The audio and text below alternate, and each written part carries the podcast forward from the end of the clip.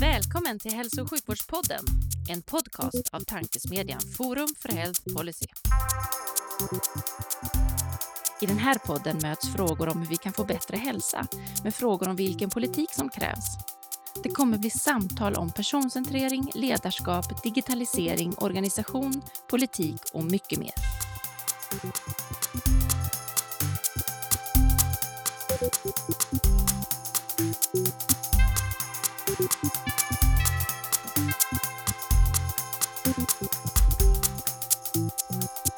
Hej och välkomna till Hälso och sjukvårdspodden, en podcast av tankesmedjan Forum för Health Policy.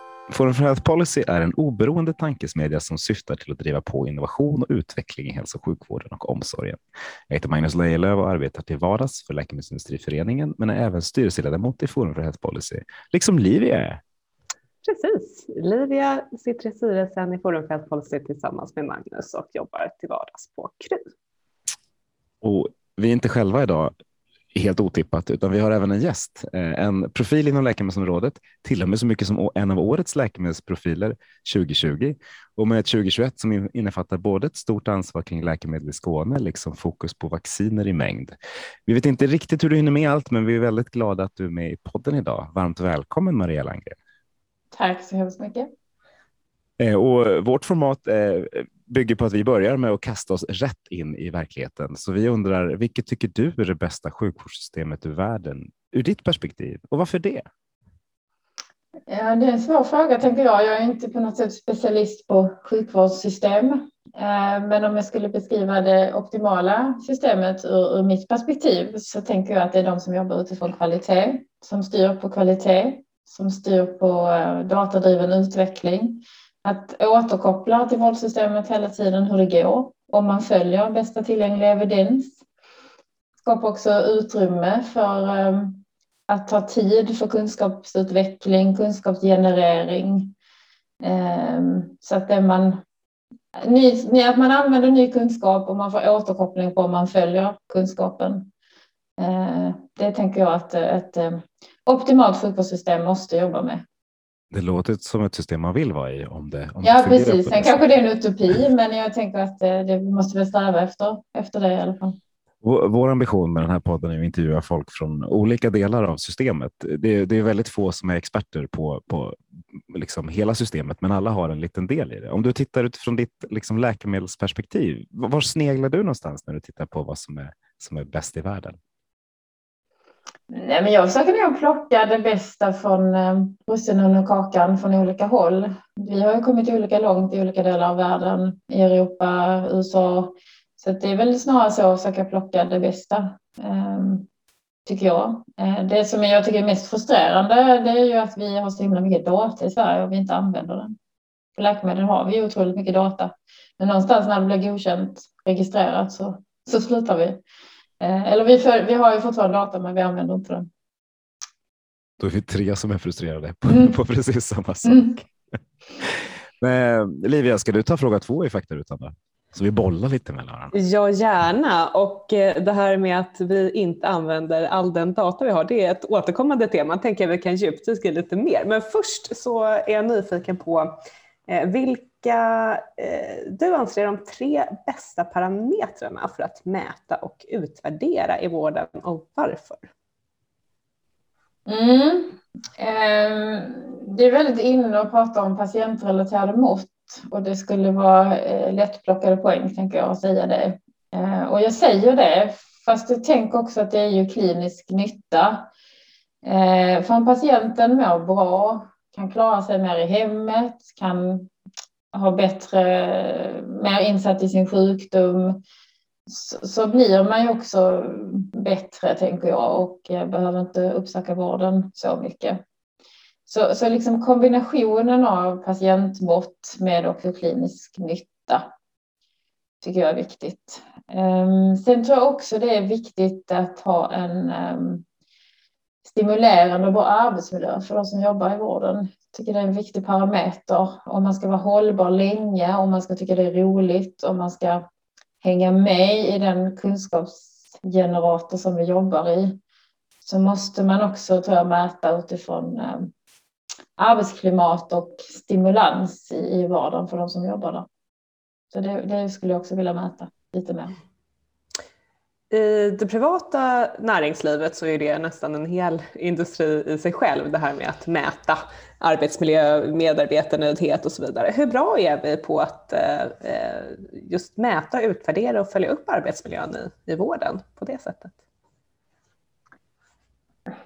Ja, det är svårt, svårt för mig att säga generellt hur det är i alla regioner, men, men i, i, min region så är man ju duktig på det, men man gör det för sällan. Man har i sin eh, arbetsmiljöenkät och det har väl de flesta, man följer de regel, eller medarbetarenkät kallar vi det, och sen har vi ju det systematiska arbetsmiljöarbetet som alla är skyldiga att göra. Men, men jag kanske vill lite djupare än så i detta, att hitta det här eh, eh stim, stimulans, eller hur ska jag uttrycka det, det här eh, kreativa, stimulerande arbetsmiljön snarare än om gardinerna hänger rätt och, och så. Liksom. så att vi gör vad vi ska enligt lagen och så, men vi gör det för sällan och jag skulle vilja komma lite, lite djupare ner i de här frågorna. I förra veckans podd diskuterade vi precis samma sak och då pratade vi lite om det här med att man har som chef i, inom offentlig vård så har man ganska många anställda. Man kan ju upp till liksom 50 anställda på en, på en sköterska. Det är svårt att skapa en arbetsmiljö som, som når upp till det, det du, du vill då, om man inte liksom kan vara ledare. Hur, eh, hur ser det ut i, i Skåne ur ditt perspektiv? Jag tror vi skiljer oss inte från, från andra regioner, utan man har eh, många, många medarbetare per, per chef. Eh, och jag, ja, man får väl jobba på olika sätt här, men det, det handlar ju om det nära ledarskapet och, ledarskapet och, och kunna möta varje individ. Men Också, det är ju svårt om man har 50 anställda kan man säga. Det är ju jättesvårt. Eh, och säkert jobbar en hel del själv också i, i vården. Eh, så man är säkert inte chef på heltid heller. Eller det ser väl olika ut. Men eh, nej, jag tänker att det är en utmaning och ska vi hålla framöver så måste man satsa på detta och, och yngre generationer än, än mig i alla fall värnar också sin fritid och, och sitt sociala liv utanför jobbet kanske mer än, än vad vi har gjort innan. Eh, och det är också viktigt med tid för reflektion för att man ska vara bra på jobbet. Så jag tror att eh, det är något som vi som arbetsgivare måste ta tag i mer än vad vi gör. Och på temat då ledarskap, engagemang och tid för, för reflektion eh, så går jag vidare till vår tredje fråga här i Faktarutan och det har att göra med medskick till de som jobbar med att utveckla svensk hälso och sjukvård. Om du får skicka med två eh, huvudsakliga saker, vad skulle det vara? Två huvudsakliga medskick. Eh, ja, jag får ju tjata då, som tillgång till data. Eh, måste, vi måste ha det, vi måste ha datadriven utveckling. Vi måste kunna ge återkoppling eh, i form av eh, real world evidence och, och så. Eh, så det måste man. Eh, och sen måste man ha eh, tid för kompetensutveckling. Ehm, för att det händer så himla mycket. Vi lär oss mycket hela tiden och det måste man ha tid att ta till sig och också omsätta. Det är en sak att höra någonting. Det är något helt annat att börja jobba efter det. Det är två rätt olika saker. Den, den andra den borde ju bara gå att göra, men vi, vi har inte gjort det. Utan det, verkar, det verkar vara svårt att skapa sig tid till kompetensutveckling i vården. Så där krävs det något kulturellt riktigt. Den andra delen vad är data, vi har ju den. Det är bara att vi inte vi har en olika silos och vi presenterar den inte. Det där är, jag, kan, jag kan bli arg på oss själva. Som sagt. Jag tycker vi är oetiska som inte ser till att faktiskt ta tag i den där datan och göra någonting, någonting som gör att vi, precis som du säger, blir mer evidensbaserade. Hur, hur ska, kulturbiten den är nästan omöjlig, men vi ska jobba med den. Men, hur, men det här med data, hur ska vi göra det? Vad, hur, hur, hur tar man nästa steg? Alltså, jag tycker vi har suttit och diskuterat den här eh, frågan i ja, så, men, men jag känner lite som dig. Jag, jag, jag blir också frustrerad. Hur svårt kan det vara? Eh, det, någon får ju bara bestämma att det här ska lösas och man får riva dem. Eh, ja, nu sticker jag ut hakan lite här, men jag tycker att man gömmer sig bakom paragrafer, lagar och föreskrifter. Jag har full respekt för dem. Jag har full respekt för personliga integriteten och så, verkligen. Men det kan inte vara rocket science eh, och, och liksom lösa de här knutarna, men man behöver sätta sig ihop olika lagstiftare, titta på vad det är vi vill uppnå och leverera ett förslag på en sån lösning. Men vi sitter och diskuterar att det är stuprör. tycker jag, hela tiden. Ja, och du sa ju det själv att någon behöver lösa det. Det är just att, att, att den där någon som, är, som kan vara problematiskt i det här fallet eftersom det är så många ja. som, som har, har delar i det. Ja, fast, de, fast den där någon. Det finns ju någon som bestämmer i Sverige tycker jag. Och eh, om vi nu ska bli en ledande life science-region och vi ska ha eh, världens bästa sjukvårdssystem och i Skåne ska vi ha livskvalitet i världsklass. Ja, men då, får man ju, då måste man ju lösa de här knutarna och det får ju vara en lagstiftare eh, eller någon som har mandat över lagstiftningen att peka med hela handen det är inte lönt egentligen att vi, vi kan ju sitta och diskutera det, vi kan skapa opinion. Men, men, man, kan inte, man kan inte trycka ner det här problemet utan det här måste ju lösas på nationell nivå. Mm. Det är ett, en återkommande reflektion som, som jag ofta hör det är att man eh, gör en politisk fråga till en juridisk fråga där man behöver eh, liksom, från politisk front också ändra förutsättningarna, de juridiska förutsättningarna för att komma vidare. Så det är en viktig poäng. I eh, ett seminarium som vi hade med Forum för Health Policy så var det en deltagare, minns jag, som eh, poängterade det att eh, vi vet ju inte vilken adress vi ska skriva på kuvertet när vi väl har lösningarna på plats. Vem ska genomföra det? Det är en, en utmaning och någonting att jobba vidare på. Och tänker jag att det är inte problemet större än så, då, då ska vi väl fixa det. Men när vi har precis tagit hand om covid-19, vi kör inte igenom det, men, men vi har ju liksom, jag tänker är det bara adressen så ska vi väl kunna Hitta den. Ja, ja det tycker jag. Det finns, ja, säkert, det finns säkert någon datakälla vi kan använda för det. Ja, antagligen. Vår eh, sista fråga blir lite annorlunda här eftersom du har den bakgrund som du har, som vi strax ska komma in på naturligtvis. Men vi frågar alla lite till det du sa. Det, det är inte för att vara populär utan för att vi tycker att det är väldigt viktigt. Så vi vill lyfta in patienten så tidigt vi kan. Va, eh, berätta din finaste patientanekdot. Jag fick ju fundera lite när jag fick, fick lite förhandsinformation om de här frågorna och det var ju jättelänge sedan jag träffade en patient. Eh, och det var ju när jag var på apotek. Eh, så det är ju knappt sant längre. Men, men jag kommer fortfarande ihåg, på tal om rationell eh, läkemedelsanvändning, så hade vi eh, det var något temaår på apoteket och vi skulle satsa extra på inhalationsteknik. Och jag hade den gamla damen framför mig och frågade om hur hon använde sin inhalator. Och hon tittade på mig och sa, men lilla vän, den har jag ju haft i 30 år eller 50 år och det är klart jag vet hur jag ska använda den. Ja, men du kan väl visa mig, sa jag. Då hade hon en sprayinhalator och så sprayade hon sidan om sig själv och så andades hon in i luften. Så hade hon använt sitt lackmedel i 30 år. Så att det, den har jag faktiskt ofta med mig, att vi, vi liksom förutsätter att folk vet hur de ska använda sina läkemedel för att de haft dem länge. Och, men eh, uppenbarligen så hade hon, antagligen behövde hon inte sitt läkemedel kan man ju säga.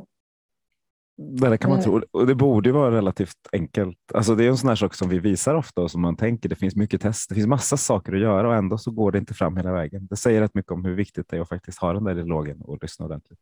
Bra. Precis och följa upp att det verkligen har trillat ner det där man sa. Eh, att det har mottagits och förstått Precis. Mm. Och det är även om, om vi då går tillbaka till vårt tionde avsnitt där vi pratade med Ann Karlsson på Apoteket AB så blir det väl en kundanekdot också då?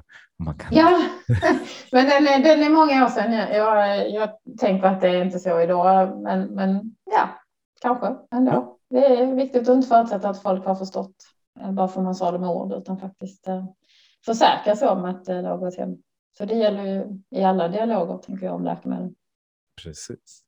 Nu har vi kastat oss direkt in i frågor om data och, och patienter och annat. Vi, vi tänkte eh, ta tillbaks diskussionen lite och, och, fråga vem, vem är du Maria?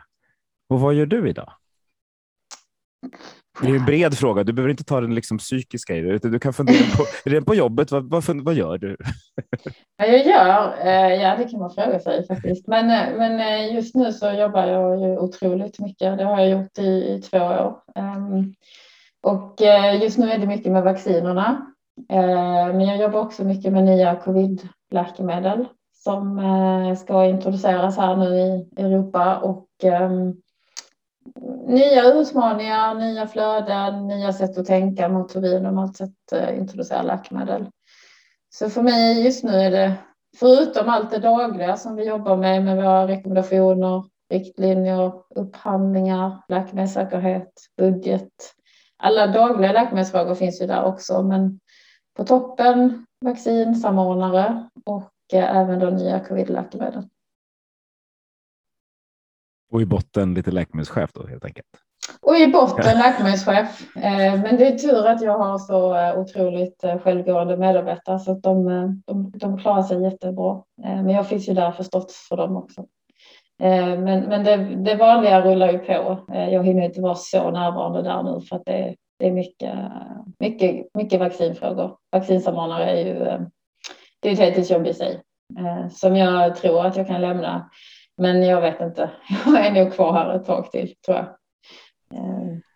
Ja, vi, vi, eller Magnus inledde ju podden med att eh, man förstår inte riktigt hur du hinner med allt och även dagens podd blir lite kortare än vanligt just eftersom att du har så mycket att, eh, att eh, eh arbeta med och, och knuter och lösa upp. Men eh, man förstod lite på din, eh, din patientanekdot där att du har en eh, historik inom apotekbranschen och som farmaceut. Kan du inte berätta lite mer om din, eh, din historia och hur du hamnade i den rollen du har nu?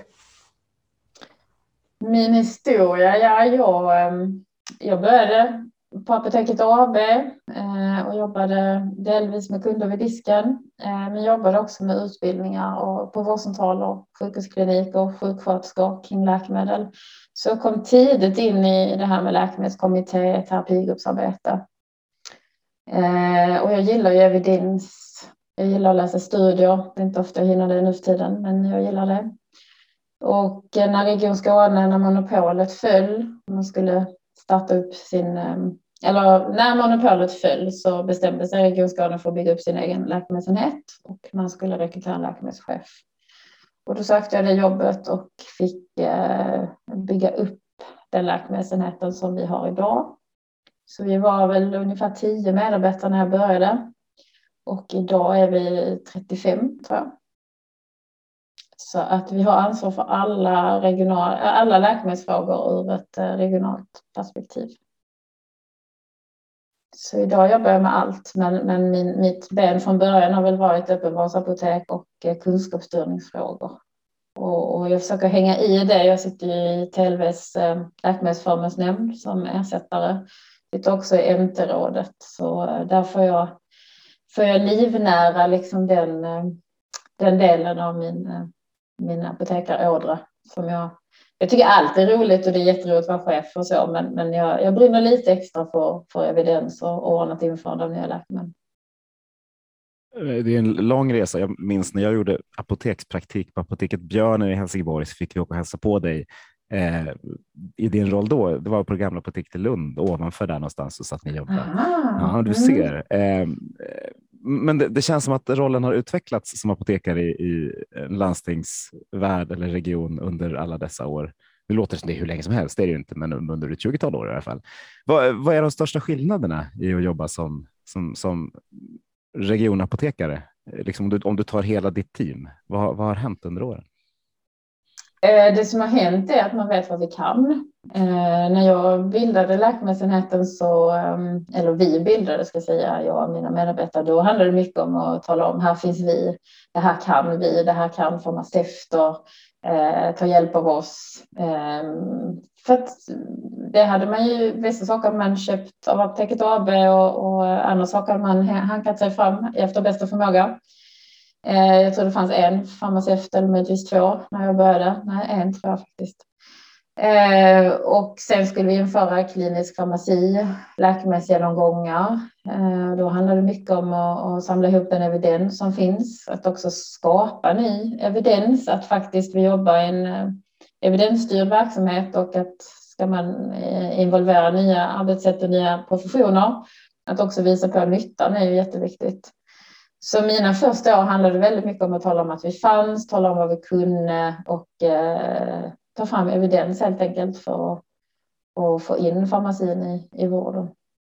Och idag är ju klinisk farmaci en självklarhet i eh, Region Skåne. Vilket är jätteroligt.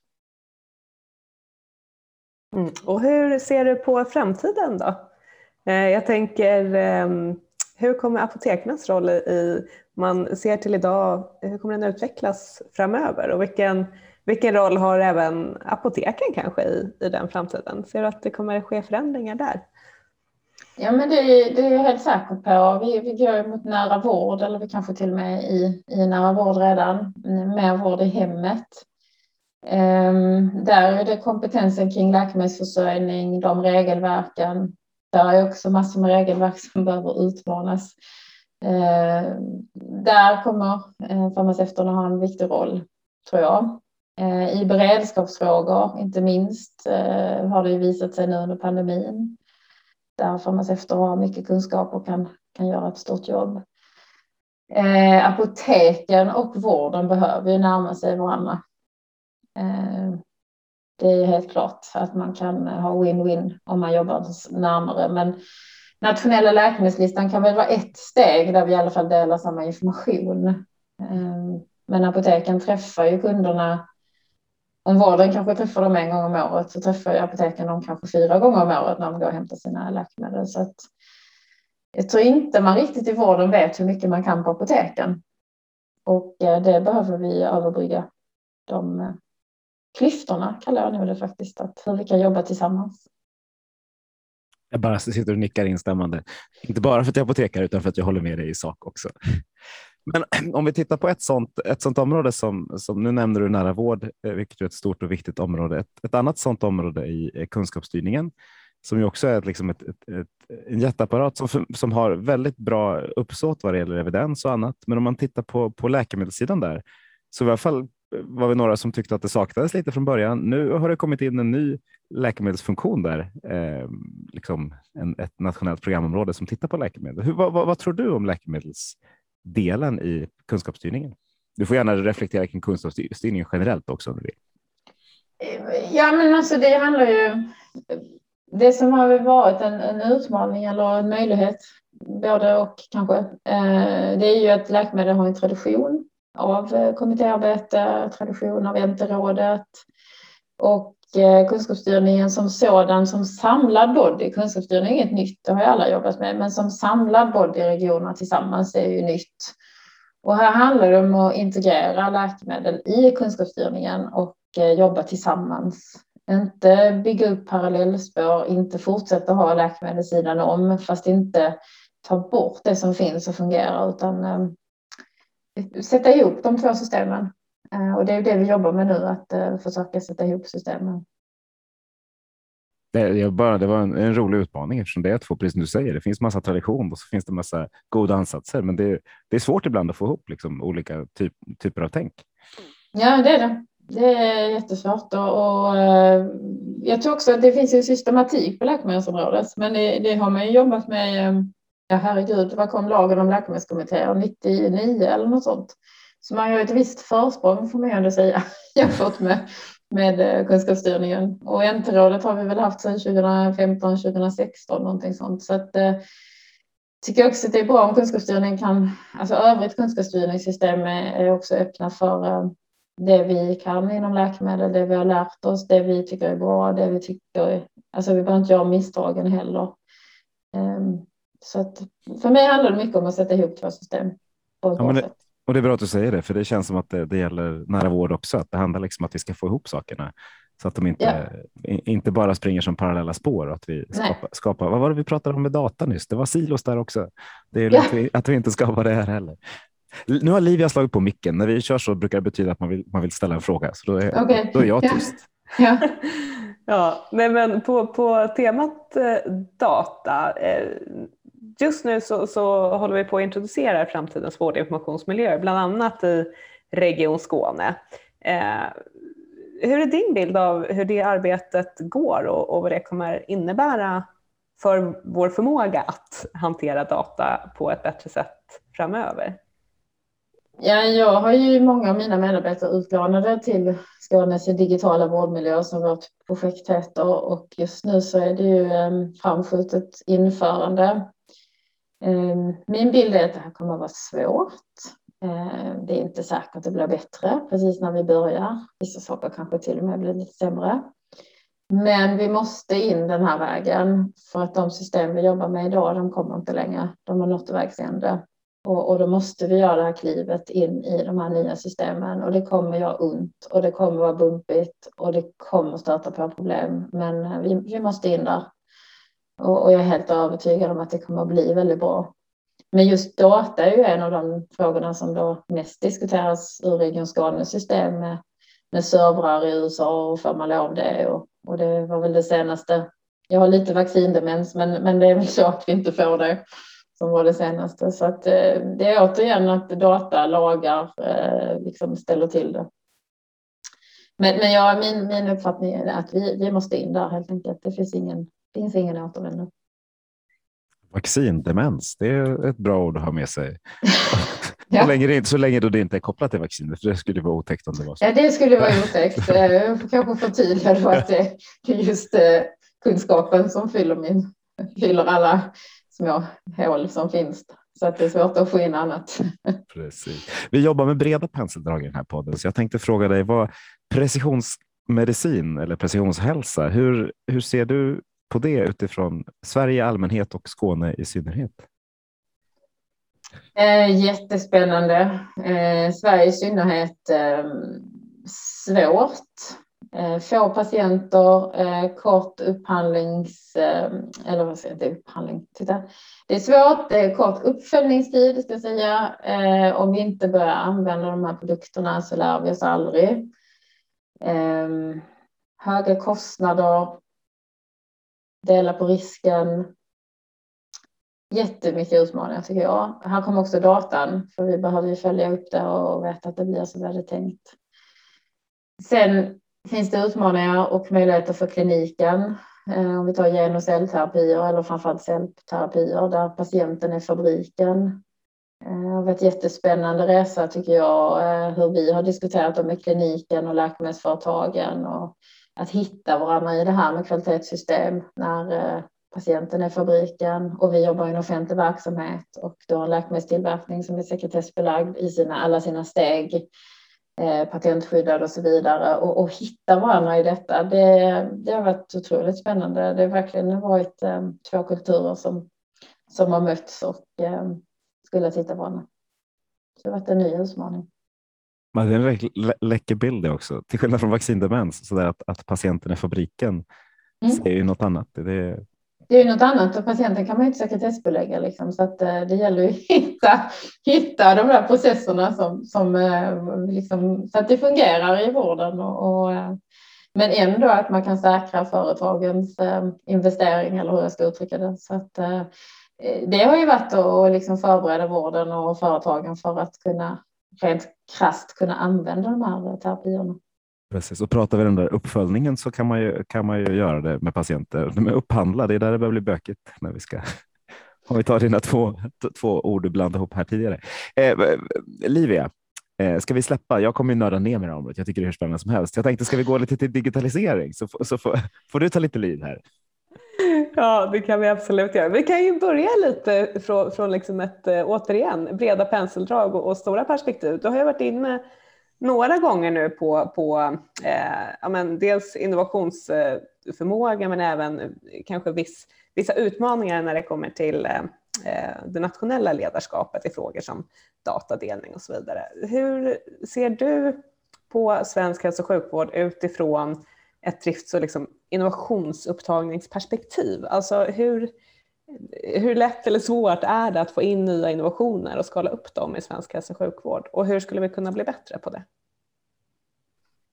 Det där var ju 10 000 kronors fråga. ja. Säga. Ja. Varsågod. ja, tack så mycket. Um,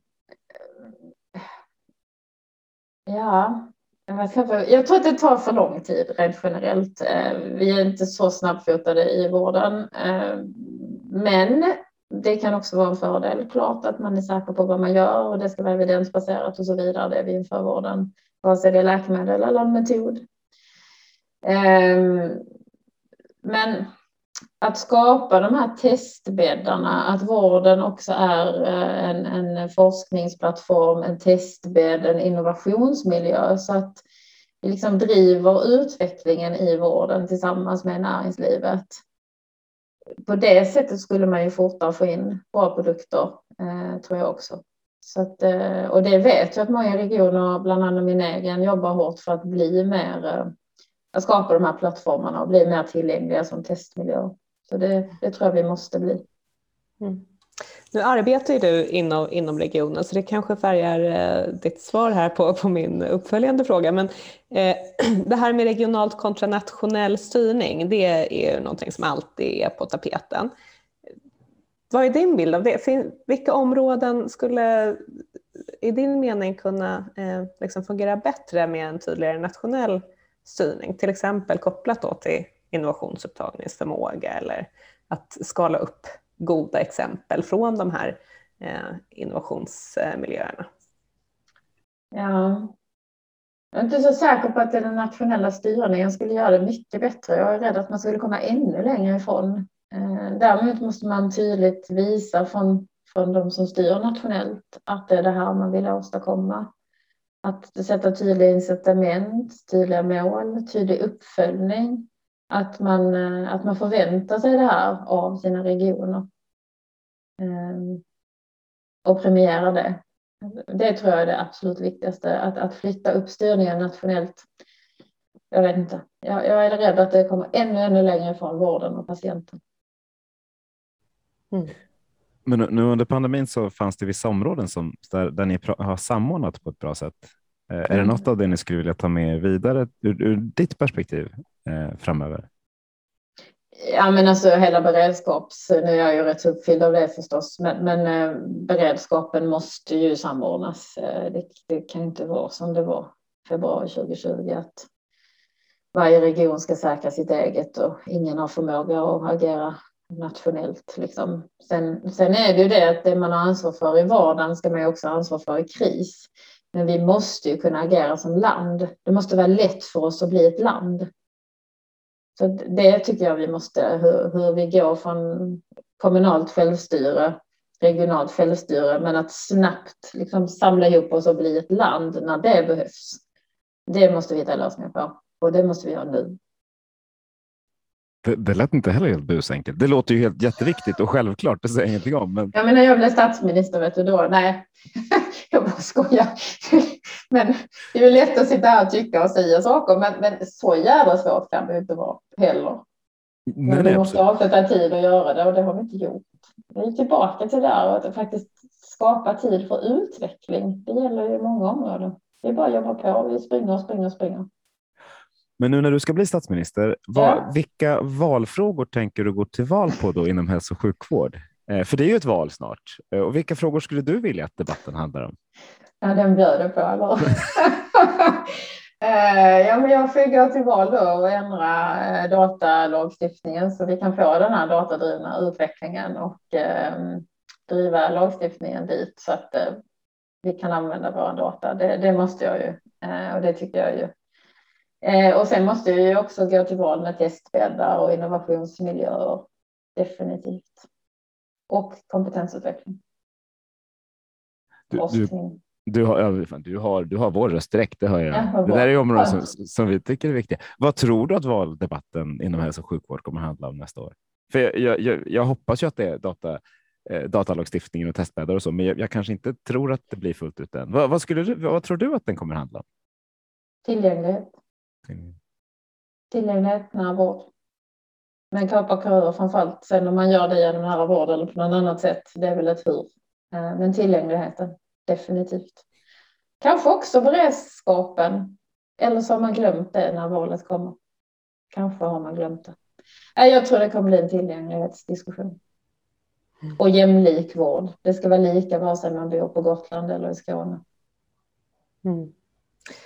Ja, mot bakgrund av det som man, du skulle vilja gå på val på det som sannolikt kommer debatteras. Om, om man blickar framåt, några mandatperioder fram i tiden, åtminstone en två, tre mandatperioder framåt. Hur tror du att eh, svensk hälso och sjukvård ser ut då? Vad har förändrats?